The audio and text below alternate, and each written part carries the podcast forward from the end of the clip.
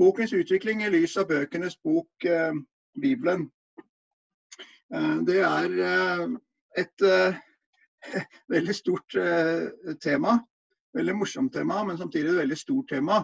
Og egentlig nesten hvilken som helst av de slidene som vi skal se på nå, kunne i seg selv vært et foredrag. Og noen av de har faktisk også vært det tidligere på, på museet, eller kommer til å bli det i, i, i framtiden også. Men hvis dette her kan gjøre at du får lyst til å lære mer, lyst til å lese mer, eh, lyst til å gå ned på museet og, og, se på utstillingen, så er det kjempefint. Bare kort litt i forhold til eh, i forhold til meg selv. Skal vi se. Sånn var det. Um, jeg har samlet på bibler siden 1984. Og ikke bare samlet på Bibelen, men også egentlig bøker som omhandler Bibelens eh, historie, eh, hvordan denne har blitt eh, bevart og oversatt og gjort tilgjengelig eh, for oss eh, som lever i dag. Og med alt den dramatikken som har vært rundt den opp gjennom, eh, opp gjennom historien. Noen av de kildene er også da brukt i forbindelse med utarbeidelse av denne foredraget. Her sånn.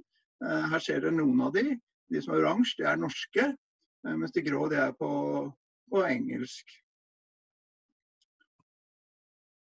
Hvorfor er det Bibelen som står eh, i, i fokus her? Vi sier jo bokens utvikling i lys av Bibelen, bøkenes bok. Jo, det er fordi at eh, Bibelen har blitt beskrevet som det lokomotivet som har dratt boken etter seg. Og det er pga. mange faktorer. Én ting er pga. alderen. Eh, de eldste delene av Bibelen ble beskrevet for 3500 år siden. Og alle Bibelens 66 bøker ble skrevet over et uh, periode på, på 1500 år. Um, men det er også slike ting som uh, opplaget. altså Ingen vet nøyaktig hvor mange eksemplarer som uh, Bibelen er trykket i, og som selvfølgelig også i dag distribueres elektronisk. Men det er i hvert fall over 6 milliarder eksemplarer. Så er det antallet språk. altså Bibelen ble jo kun skrevet på tre språk. Hebraisk, arameisk og, og gresk. Um, men eh, den er oversatt til et enormt antall eh, språk. Eh, nytt, eh, hele Bibelen er oversatt til 698 språk, altså da rundt regna 700 språk.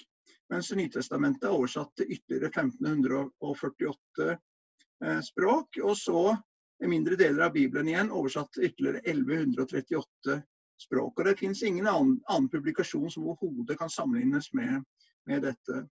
Så er det bruksområdene. Bibelen den kan og har vært brukt til å lese i, selvfølgelig, studere, forkynne og undervise ut ifra.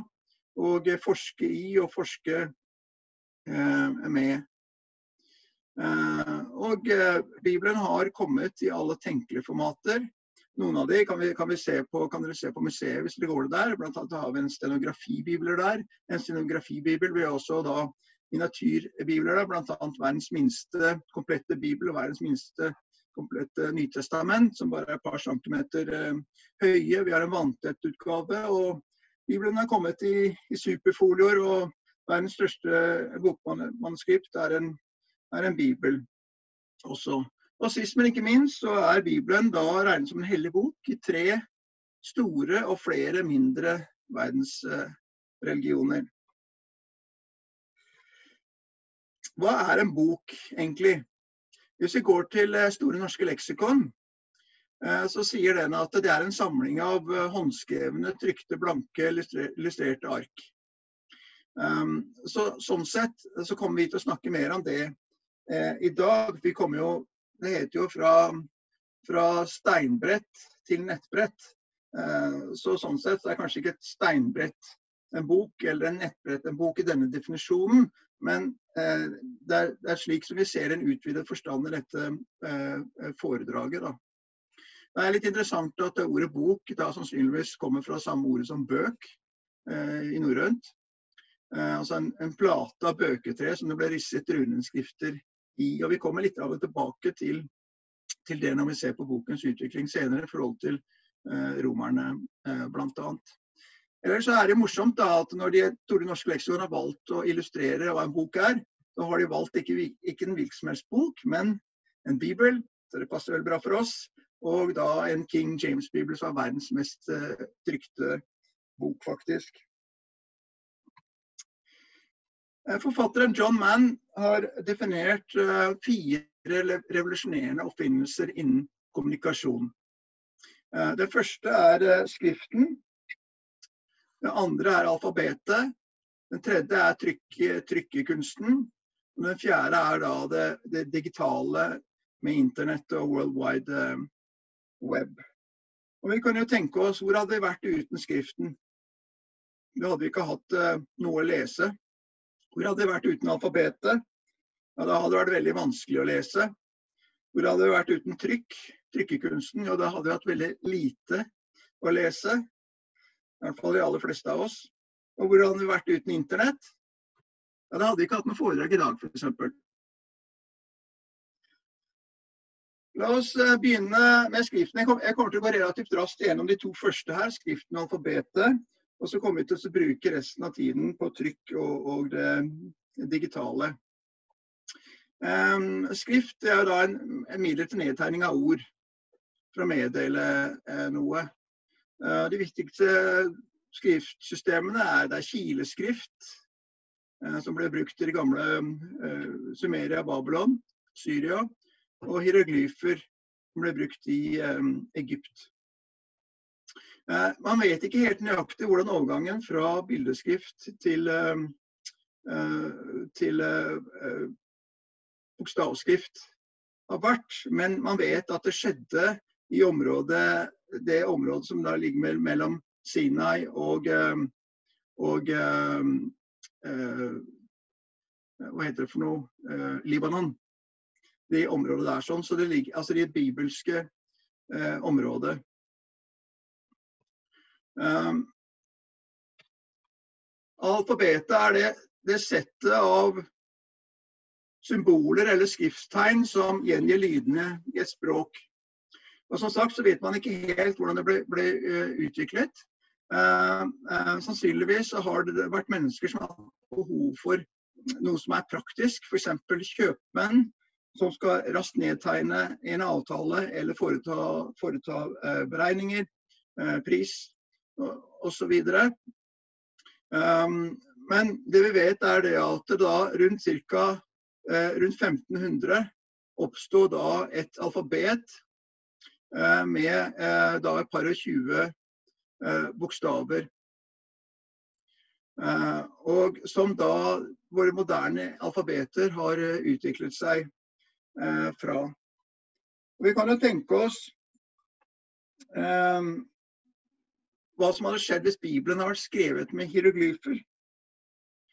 Moses kunne ha gjort det. Moses jo eh, hadde fått sin opplæring i Egypt som prins Egypt. Hadde fått opplæring av egypternes kunnskap, så han kunne helt sikkert eh, hieroglyfskrift. Han kunne skrevet hieroglyfskrift, men hvor lett ville det da vært for andre å, å lest eh, dette etterpå. Så er det en eh, tilfeldighet at alfabetet oppsto, altså just in time, for at Moses kunne bruke det til å skrive ned de første delene av Bibelen. Det kan vi tenke litt på. Når vi snakker om eh, Moses, så er det jo kjent sak at han da fikk de ti bud på steintavler på eh, Sinai-fjellet. Eh, um, I utstillingen på museet så har vi da en replika av en av disse tavlene utstilt. Den eh, andre har jeg her. Du ser den. Eh, de er ikke mer enn 15 cm høye. Eh, så mange vil nok være overrasket over den størrelsen, for vi er vant til å se bilder av disse hvor det ser ut som, sånne svære kirkegårds og tenk dere det, en gammel mann som Moses, som da kommer ned, 80 år gammel, som kommer ned fra dette høye fjellet. og det var vel ikke noen vei å gå på heller, så vi ser på denne cartoonen her. Uh, som drar på to sånne svære gravsteiner. Det er ikke rart han sier 'I can't wait for this to come out in paperback'. Så det var nok ikke nødvendigvis det som skjedde. Altså, ingen vet jo hvor store disse var. Men de hadde ikke behøvd å være større enn disse replikaene som vi har utstilt på museet. Fordi um, teksten, bra, denne skriften som kalles da uh, uh, forhebraisk eller paleohebraisk skrift, det var en konsonantskrift. altså det var ikke vokaler. Og Det i seg selv gjør at teksten blir mer kompakt. Samtidig som hebraisk er og var et veldig presist språk, hvor man kan si mye med få ord, i motsetning til f.eks. norsk eller engelsk, som ofte kan kreve dobbelt så mye eh, for å få sagt eh, det samme som vi ser f.eks. i, bibeloversettelser. Så kommer dere på museet, så kan dere se disse eh, selv. Det er veldig interessant å, å, å, å se på. Nå, En ting var jo selvfølgelig var jo det å skrive de ti bud på disse steintavlene. Men hva med alle de fem Mosebøkene? Det hadde kanskje ikke vært så veldig eh, praktisk. Og Der kommer da eh, skriftrullen inn. På utstilling på museet, også, også den faste eh, utstillingen, så har vi da skriftruller. Hebraisk eh, da eh, skrevet på, på, på skinn som da var en mye mer praktisk eh, måte å få samlet alle disse mosebøkene på. Eh, og hvis eh, vi går til et annet museum i, i Jerusalem, Israel Museum, så kan vi se en stor rull av Jesajas bok, som da ble funnet i Qumran, dødehavs, en av de såkalte dødehavsrullene fra det første århundret før Kristus. Eh, denne rullen i dag er 7,3 meter lang. Så vi kan tenke oss Jesus når han var da hjemme i synagogen i Nasaret, og da reiste seg opp og så leste fra Jesaja langt bak. Han rulla seg da fra høyre mot øh, venstre, for hebraisk leses jo fra høyre øh, mot venstre. Det var ingen kapittelinndeling, ingen hjelpemidler til å hjelpe han til å finne fram med teksten. Og var masse mennesker som satt der forventningsfullt og hørte på når han skulle finne fram dette. Han har vært veldig godt kjent for å raskt kunne finne fram til akkurat det sitatet som han eh, ville lese fra. Nå, ruller var, eh, skriftruller var jo da eh, godt egnet for, eh, for, lengre tekster som skulle eh, bevares. Eh, men det var ikke like godt egnet for korte, midlertidige notater, slik som f.eks. kjøpmenn eller en sjøkaptein som da skulle laste båten og beregne eh, ting eh, der. Eh, da brukte man eh, fra gammelt av kanskje potteskår f.eks., eller eh, noen blader fra trær som man, man, skrev på. Det var ikke nødvendigvis optimalt.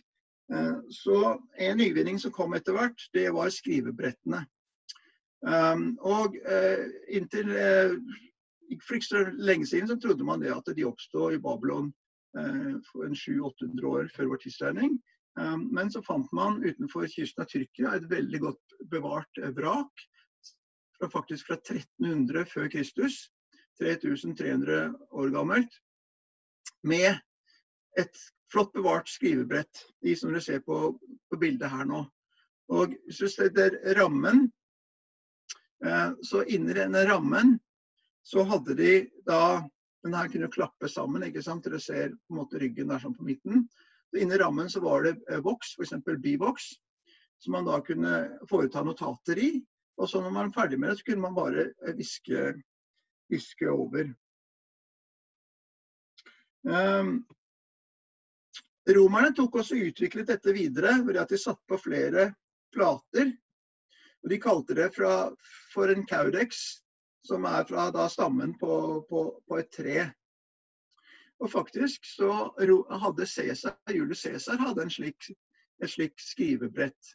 Og man mener faktisk at uh, hans berømte verk 'Gallikrigene' ble skrevet da, som ble skrevet av han selv, ble skrevet på, på, slik, på et slikt skrivebrett. Ja, hvis vi da tar og kombinerer et skrivebrett med flere sider, slik som det romerne brukte, eh, og eh, kombinerer det med, med eh, skriftruller, så får vi da det nye hvor, si, hvor vi får boken slik som vi kjenner den i dag, kodeksen. Og det er altså da eh, Istedenfor rull, så er det da sider som er, er, er skåret opp. I begynnelsen så var det stort sett bare i, i, um, i papyrus, og som da er heftet eh, sammen. Det var en kodeks. Eh, det er interessant at når vi ser på det vi har funnet da, fra eh, det første århundret, hva som er skrevet på rull, hva som er skrevet fragment og ark, og i kodeksform, så ser vi det at rull dominerer nesten totalt med 77,5% mens kodeks er bare 1,5% Men hvis vi da går videre neste århundre, så ser vi at dette snus helt på hodet. Til at rull kun er 15% og kodeksen er oppe i 56 Eh, og utviklingen i bruk av pergament til fordel for eh, papyrus følger en lignende utvikling. Hva var det som skjedde i denne tiden? Jo, dette sammenfaller med kristendommens vekst. Det var de første kristne som var pådriverne i bruk av dette nye kodeksformatet. Eh, Mens romerne fortsatte å bruke rull til sine uh, litterære verk helt fram til uh, inn i, godt inn i middelalderen. Et eksempel på en slik eh, papyrus, det er papyrus P46. Den er, omfatter de fleste av Paulus sine brev og er fra det andre århundret etter vår tidsregning. Um, du kan se denne hvis du drar til Dublin. Så ligger den midt i turiststrøket der, så ligger Chester Better-museet. Det er gratis å gå inn, og det er ingen kø der. Um, og Det er veldig interessant å se da, i, tett på i virkeligheten eh, selv. Nå hadde, hadde denne hadde Paulus sine brev vært i rull, så ville den rullen vært 20 meter lang. Den hadde vært totalt uhåndterlig for det som var de kristnes behov, hva de var spesielt spesielt opptatt av, nemlig eh, forkynnelse og undervisning. Mens i en kodeks derimot, en bok, så er det mye raskere å slå opp til et bestemt eh, passasje som de da var ute etter å, å, eh, å bruke.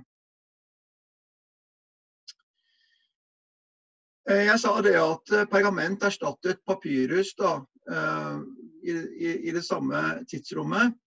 Eh, og det var flere årsaker eh, til det. Bare si det Når det gjelder disse skrivematerialene, liksom papyrus og pergament, så går vi ikke noe særlig mer inn på det nå. Men hvis du går til nettstedet til museet, så ligger det flere eh, fagartikler der som omhandler papyrus og pergament som materialer i, eh, i ganske stor eh, detalj. Men det vi kan si med fordelen med pergamentet, da, var det at det var mer tilgjengelig enn papyrus. Altså, skinn. altså Pergament er jo skinn av, av dyr. Eh, og det var eh, tilgjengelig overalt, egentlig. Mer, skinn er et mer fleksibelt materiale enn papyrus, som er mer stivt og, og, og sprøtt. I, på pergament kan man skrive på begge sider. Papyrus kunne man kunne skrive på den ene siden. Og skrev du feil, så var det lett å skrape det bort på pergamentet og skrive det oppå igjen. Um, mens derimot uh, i papyrus så kunne du ikke skrape bort uten å ødelegge egentlig eh, underlaget. Eh, pergament, hvis du kjenner på det, så er det en veldig glatt overflate, mens papyrus er mye mer ru overflate. Så det gjør det at du er lettere å skrive pent på pergament, og det er også mye lettere å lage flottere mer detaljerte illustrasjoner. Eh, og um, under de fleste forhold så er det også mer holdbart enn en papyrus. Papyrus, papyrus på, på sin side var lettere å forlenge hvis du fant ut at det du skulle skrive var lenger enn det du hadde materiale til. var det lettere å forlenge. Og det var sannsynlig også billigere, men det vet vi egentlig ikke. For det er ikke funnet noen opptegnelser med priser på eh, papyrus fra, fra, gammel tid. En veldig kjent eh, eh, kodeks er skrevet eh, på skinn, gresk med store bokstaver. Eh, det er Codex Sinaiticus, som vi har presentert tidligere i foredrag og også i en utstilling tidligere på, på museet. En fantastisk eh, vakker bok som er, er skrevet ca. 350 før, uh, før, Kristus. Nei, unnskyld, etter Kristus. Og uh, som er veldig viktig i forhold til uh, teksten til, um, til Bibelen. vet dere hvor mange dyr som gikk med for å lage en slik? Mange sauer eller geiter som gikk med for å lage en slik stor og flott bok? Ca. 200. Så den var rådyr allerede den gangen. Eh, disse um, kodeksene, disse tidlige kodeksene hadde ikke illustrasjoner slik som, i, eh, som vi ser her i Sinaiticus. Det er ikke noen illustrasjoner. Eh, etter hvert som vi kommer inn i middelalderen, så forandrer eh, dette seg. Og vi får fantastisk rikt utsmykte bøker, bibler. Um, det var ikke bare for en opphøyelse av teksten, altså gjøre den enda mer guddommelig på en måte, eh, men det var også som et hjelpemiddel for alle de som ikke kunne lese. For de fleste mennesker kunne ikke eh, lese. Eh, den, det som vi ser avbildet her nå, det er da det vi kan kalle for den britiske nasjonalskatten. Som vi da kan se hvis vi går til British Library i, i, i London. Det er, det er evangeliene skrevet på latin. Da er, vi tilbake til Dublin igjen. Eh, så, så finner vi den irske nasjonalskatten, som også er eh, evangeliene skrevet på latin fra noenlunde den samme perioden, Book of Kells. Den ligger ikke langt unna Chester Betty-museet, men her må vi stå i kø. Med minst en halvtime, gjerne mer, turisttiden. Og du må også betale penger for å se eh, denne. Det som var Altså disse eh, biblene her var ikke bare flotte, eh, men de innebar også et stort steg videre. Eh, fordi de hadde en egen form av, av alfabetet, latinske alfabetet som utviklet seg på de britiske øyer. Derfor kalles det for insulærskrift, altså fra insula øy. Altså, tidligere så var tekst uten opphold mellom ordene. Romerne holdt på det at det ikke skulle være opphold mellom ordene, sannsynligvis for det, ville, det gjorde at skrift ble vanskelig å lese, og at det så sett uh, var et, forble et privilegium for de som kunne uh, lese. Um, men her nå så fikk man da opphold mellom ordene. Og en tekst med opphold mellom ordene er jo utrolig mye lettere å lese. ikke sant? Um, så det ble lettere å lese i Bibelen. En annen nyvinning som kom ikke lenge etterpå, det var under styret til Karl den store. Han, Karl den store var en av de, de store kongene i Europas uh, historie. Og han var også veldig kunst- og kulturinteressert. Um, og under hans styre så utviklet seg det som man kaller for karoling, karolingisk, altså fra Karl, minuskelskrift. Altså minuskel er liten, liten skrift. Før så hadde man kun skrevet med store bokstaver. Og teksten med, kun med store bokstaver er ikke så lett å lese, ikke sant? Mens tekst med små bokstaver er lettere å lese. Man fikk mer lesevennlige eh, tekster. Det ble enda lettere å lese i Bibelen. Um, disse biblene var også rikt illustrert. Nettopp fordi at eh, det også skulle bli lettere for de som ikke kunne lese og lese, og i hvert fall forstå noe av innholdet. da. De fleste mennesker på den tiden kunne ikke lese, og det illustreres av noe som egentlig er ganske utrolig. At denne store kongen, Karl den store, som var slik nesen mesen for kunsten, han kunne verken lese eller skrive.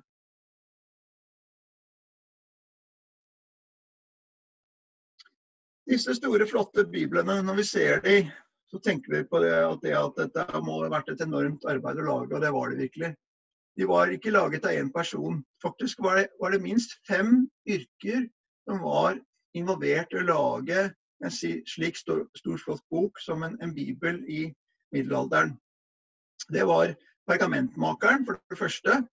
Um, og det å lage pergament, altså fra, fra skinn av dyr, var en lang uh, og møysommelig uh, prosess. Og Det gjorde også at det ble dyrt. Uh, enten det var pergament eller papir man brukte, så sto det på bøker tidligere for ca. 30-40% av kostnaden, faktisk. Materialet. Deretter så var det kopisten, altså vedkommende som kopierte, altså skrev av teksten. F.eks. Til, til en bibel. Det var forskjellige grader av de. Laveste graden, eh, de kunne ikke lese. Eh, de kunne tydeligvis skrive, da, i hvert fall kopiere, men de, kunne ikke selv lese korrektur eh, på, på det de, de skrev praktisk talt. da. Mens du hadde da selvfølgelig andre kopister som var mer kvalifiserte, og som da kunne lese. Så hadde dere rubrikatoren. Hva er nå det for noe? Vel, altså Tenk på rubrikkannonser. Hva er det? Jo, de er mindre annonser. ikke sant? Uh, rubrikator det er altså det en som inndelte i rubrikker. Altså, det var på en måte han som organiserte layouten på, side, siden. Hva som skulle stå hvor på siden. Og Han brukte rød skrift for å det, uh, gjøre det slik som vi ser her. Initialene og den innledende teksten så ser jeg skrevet med rødt. Derfor ble han kalt for rubrikator, for det kommer fra det latinske ordet for fargen eh, rød. Dernest så hadde vi da miniatyrmalerne. Noe, miniatyrmalere hadde ikke noe med lite å gjøre, altså som vi forbinder med ordet miniatyr i dag. Eh, men det hadde igjen med fargen, farge rød å gjøre. Um, fordi de, de tidligste illustrasjonene i Bibelen var røde. Som vi ser her, så er det også mye rødt som er brukt her. Dette er jo da eh, eh, som er laget av en slik miniatyrmaler. Eh, og Deres eh, jobb var jo da at, at, det hele skulle se fint og flott ut, og at, at bildene også helt da skulle illustrere innholdet i teksten.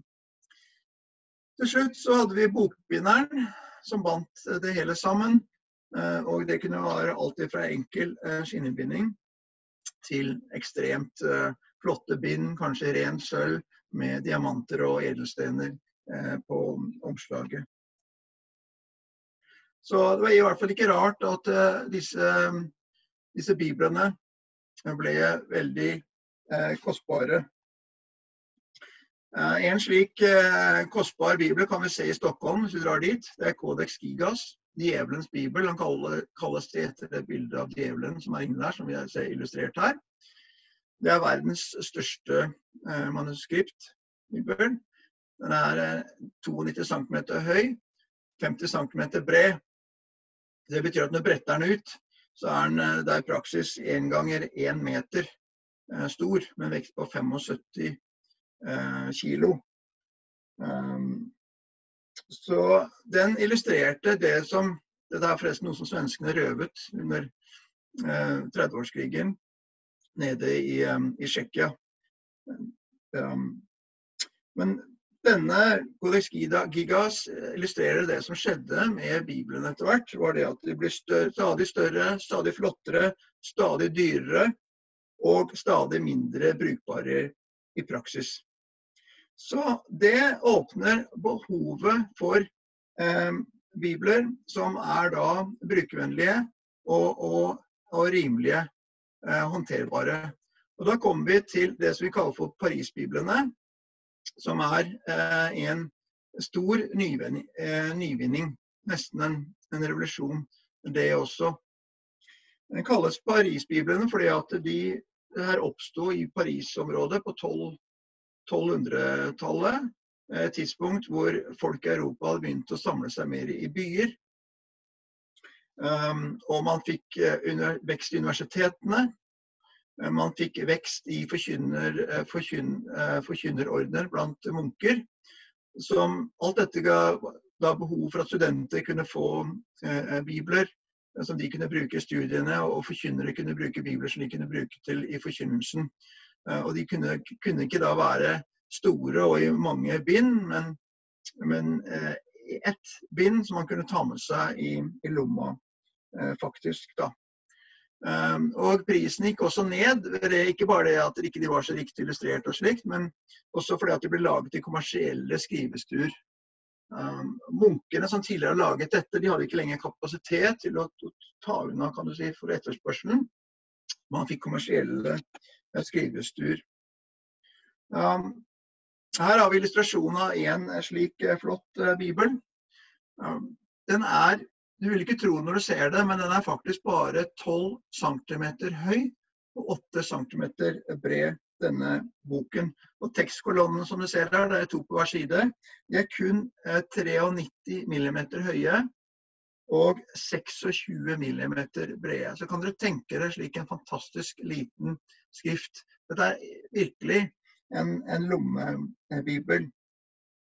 Og Dette var mulig fordi at man utviklet på denne tiden en supertynn pergament. Det er nesten gjennomsiktig, altså som eh, veldig, veldig fint eh, eh matpapir. Eh, eller ser nesten som, som ut som, som tynn plast. Samtidig som man da utviklet eh, denne veldig kompakte gotiske skriften som vi ser på illustrasjonen her. På museet så har vi ut, uh, utstilt en, en, side fra en slik Paris-bibel fra midten av 1200-tallet, som er uh, 12, um, skal, Den er 20 ganger 13 cm. Så også da ganske liten Eller når du ser den, så vil du synes at den er, den er faktisk veldig liten i, i, i, seg selv. Um, Deichman sin største stolthet er noe som heter Aslaks Bolts bibel som regnes som Norges eldste bibel. Og den er en slik Paris-bibel fra, fra, midten av 1200-tallet.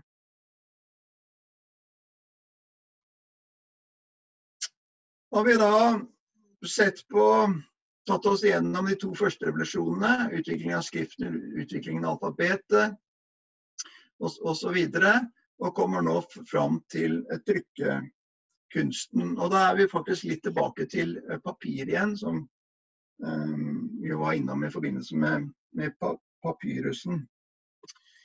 Um, I, 1454 ca. så uh, sluttfører Gutenberg sin store produksjon, trykker hele Bibelen på, på latin i to, to bind uh, med løse uh, typer. Den første bok i,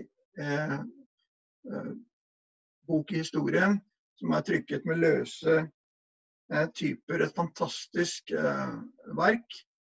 Eh, hvis du går på museet, så vil du se ikke bare en originalside fra en Gutenberg-bibel der, den eneste som er utstilt i Norden, men du vil også se en, en flott ut, illustrert replika i full størrelse. Du vil se en, en trykkpresse.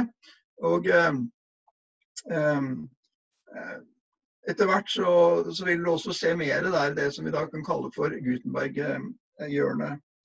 Eh, vårt. Eh, det er den betydningen som Gutenberg-bibelen og trykkekunsten har hatt, kan overhodet ikke undervurderes. Eh, det er en av de absolutt største revolusjonene i menneskehetens historie. Og vi kan ikke tenke oss verden i dag uten trykkekunsten. For den har påvirket egentlig alt. Jeg glemte å si det at da Gutenberg skulle lage denne bibelen sin på, på latin, så tok han utgangspunkt i nettopp en slik eh, Paris-bibel. Eh, I 1457, et par år etterpå, så kommer den første bok med trykt i farger. Det er også en bibelsk bok. Det er Salmenes eh, bok. Det er også den første boken som har navnet på trykker og trykkeår oppført. Der står det Foster Schøffer, som var den tidligere forretningspartneren til eh, Gutenberg og hans eh, trykkesvenn. Eh, burde nok i rettferdighetens navn ha stått Gutenberg der også, for det var utvilsomt hans eh, kan du si, geni som lå bak også denne. Den er en fantastisk vakker bok, og det er helt utrolig at man klarte på så tidlig tidspunkt å lage så vakre ting eh, som dette med en helt ny teknologi. Men når vi sammenligner med manuskriptbiblene, så kan vi lure på var det egentlig et framskritt sånn sett. da. Her har vi da bilde av noe som kaller Urbino-bibelen, som ble trykt av 1476-78, altså da mm, år, noen år etter at uh, Gutenberg-bibelen uh, kom. Den har jo fantastiske illustrasjoner, som vi ser her. Uh, så vi gikk jo nærmest fra fire farger til, til sort-hvitt, eller to farger, da. Men selv om det fantes slike fantastiske ting som dette her, sånn, så var det veldig lite tilgjengelig for veldig, veldig, kun for veldig, veldig eh, få privilegerte. Faktisk kun én av ti eh, manuskripter ble illustrert. Um, og mens i 1550 til sammenligning så var mer enn halvparten av alle bøker illustrert. Altså da trykte bøker illustrert. Så ja, det var et framskritt. Eh, på museet så har vi utstilt eh, det som er da eh, den nest første Bibelen i verden med tittelside. Den aller første den kom et år eller to før. Der står det kun Texas Biblie. Der står det kun Biblia. Punktum. Ikke noe mer. Så boken har altså klart seg i 1500 år før man kom på at man burde hatt en tittelside. Gutenberg-bibelen har ingen tittelside. Ingen av manuskriptbiblene har noen tittelside. Hadde du kjøpt en bok i bokhandelen i dag og kommet hjem og sett at det ikke var noen tittelside, så har du sikkert gått tilbake og bytta den. At her er noe feil. Men det er altså en relativt ny oppfinnelse. Og Når vi ser på den siden, så skjønner vi kanskje litt hvorfor. Husk på hva jeg sa i forhold til prisen på materialer. Her er det egentlig waste of space. altså det, Man har ikke brukt noen ting av, av, av sidene i det hele tatt. Slik var det man ville ha sett det på, på den tiden. ikke sant? At uh, Man vil kanskje ikke umiddelbart ha skjønt poenget med den i det hele tatt.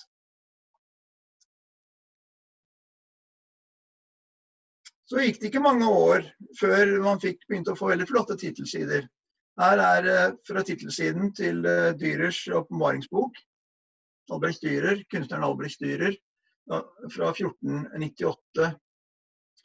Um, og den boken har en fantastisk tresnitt. Det er, tresnitt, illustrasjoner. Så på relativt på noen, bare få år så har man utviklet illustrasjoner til å være så eh, detaljrike som disse her er, hvis vi nærmere på det også. Og Dette inspirerte da seinere også eh, Luthers Nytestamentet i åpenbaringens bok, der disse illustrasjonene her sånn Albrecht eh, eh Dyrer. Når vi snakker om Luther, så er Lutherbibelen, som da ble laget mellom 1522 og 1534, som er den første oversettelsen fra grunnspråkene til moderne språk, eh, en av verdens absolutt viktigste og mest innflytelsesrike bøker. Den er ikke bare formet og samlet det tyske språket, men den ble også utgangspunktet for en, en flom av bibeloversettelser på andre, andre, språk. Og den inspirerte også den engelske bibelen, og Det er fremdeles den mest brukte bibelen i en tysktalende verden, og kom så seint som i 2017 i en ny eh, 500-års eh, jubileumsutgave. Um, det som kanskje ikke er like kjent, er at uh, Luther og kretsen rundt han faktisk revolusjonerte bokindustrien i Tyskland.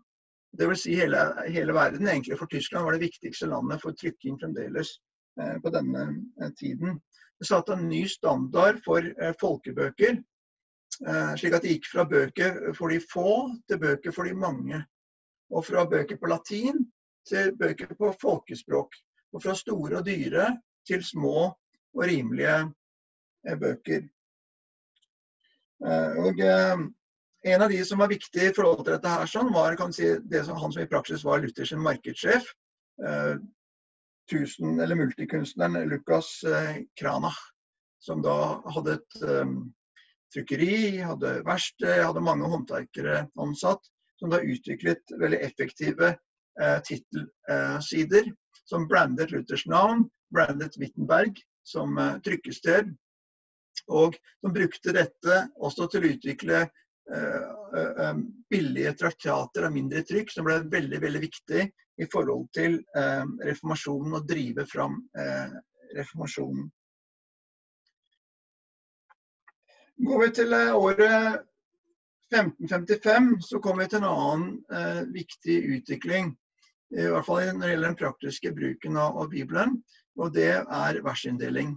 En veldig viktig trykker som heter Robert Estienne, han utviklet nummers, nummereringssystemet som vi, har, eh, som vi kjenner i Bibelen i dag.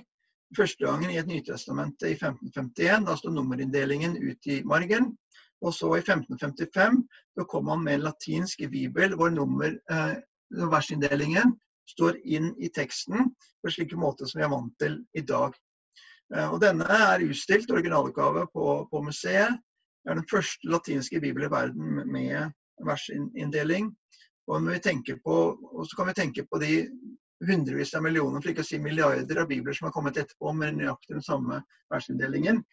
Og hvordan vi skulle klart oss uten kapittel- og versinndeling i dag, så skjønner vi hvor viktig også dette var i, utviklingen.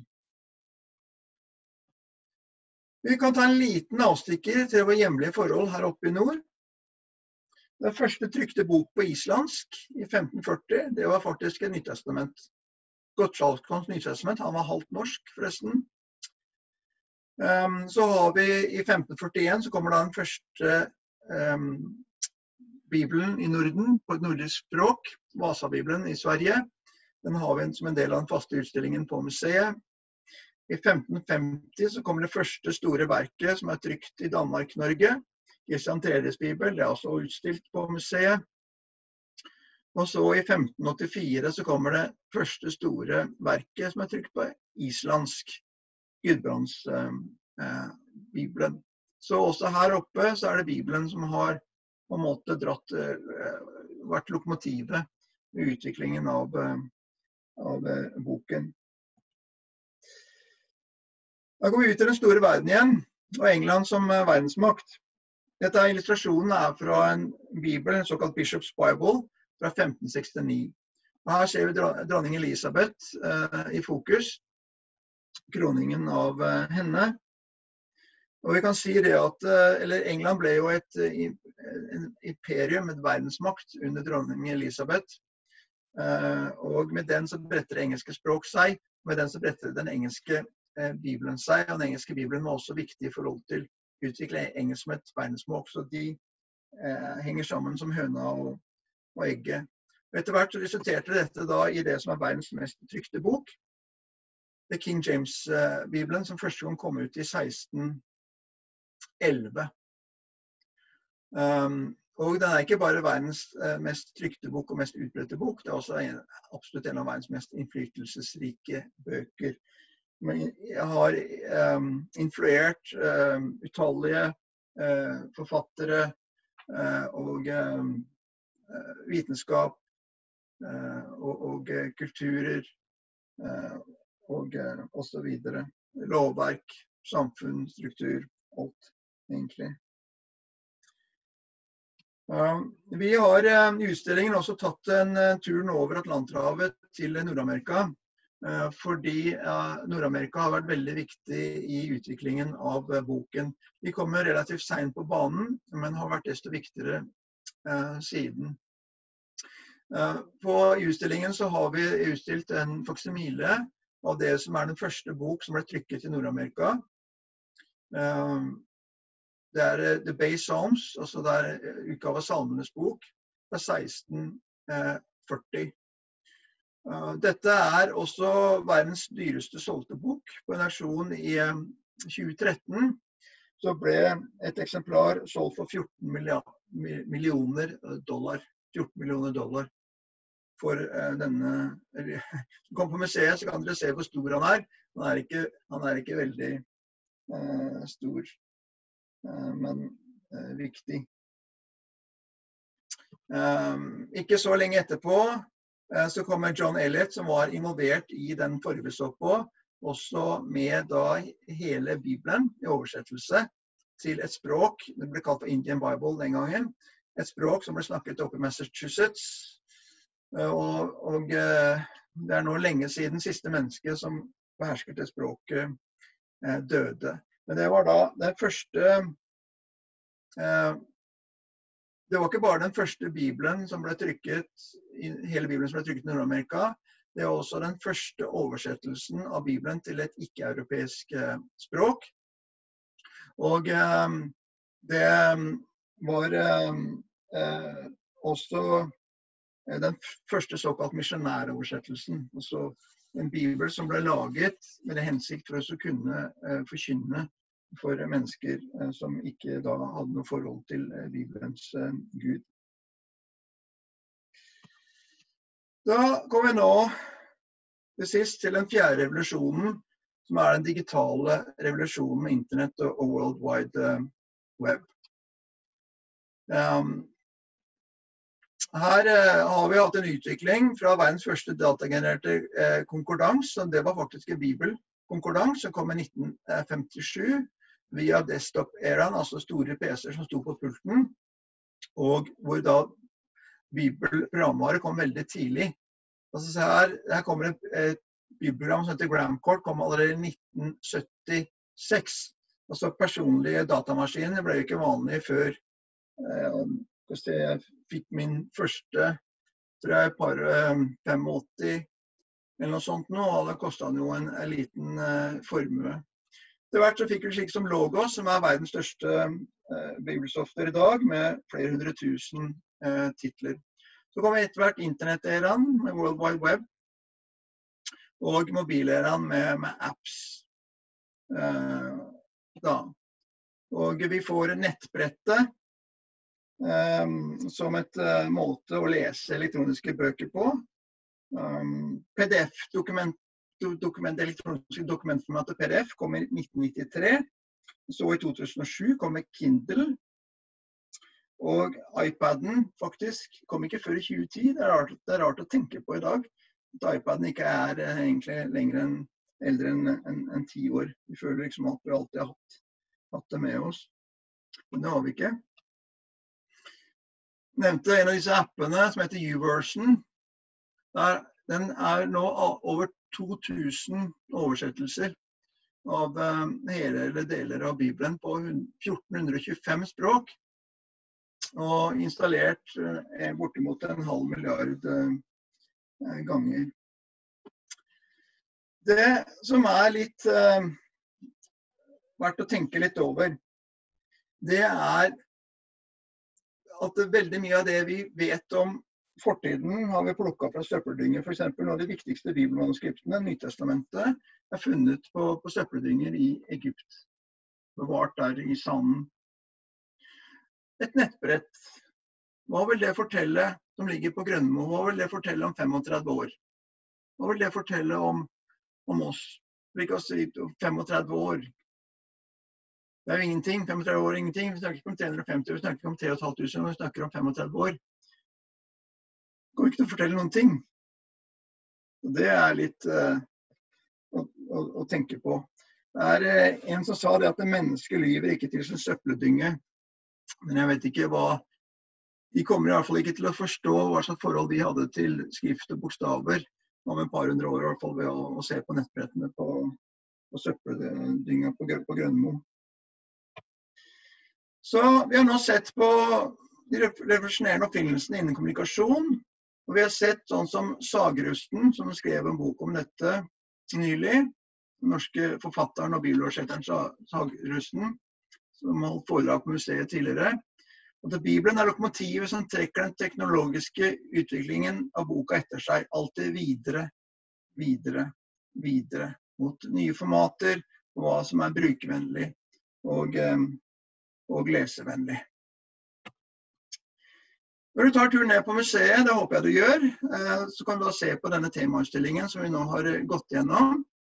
Um, og eh, vi, der har vi utstilt replika av, av steinbrett.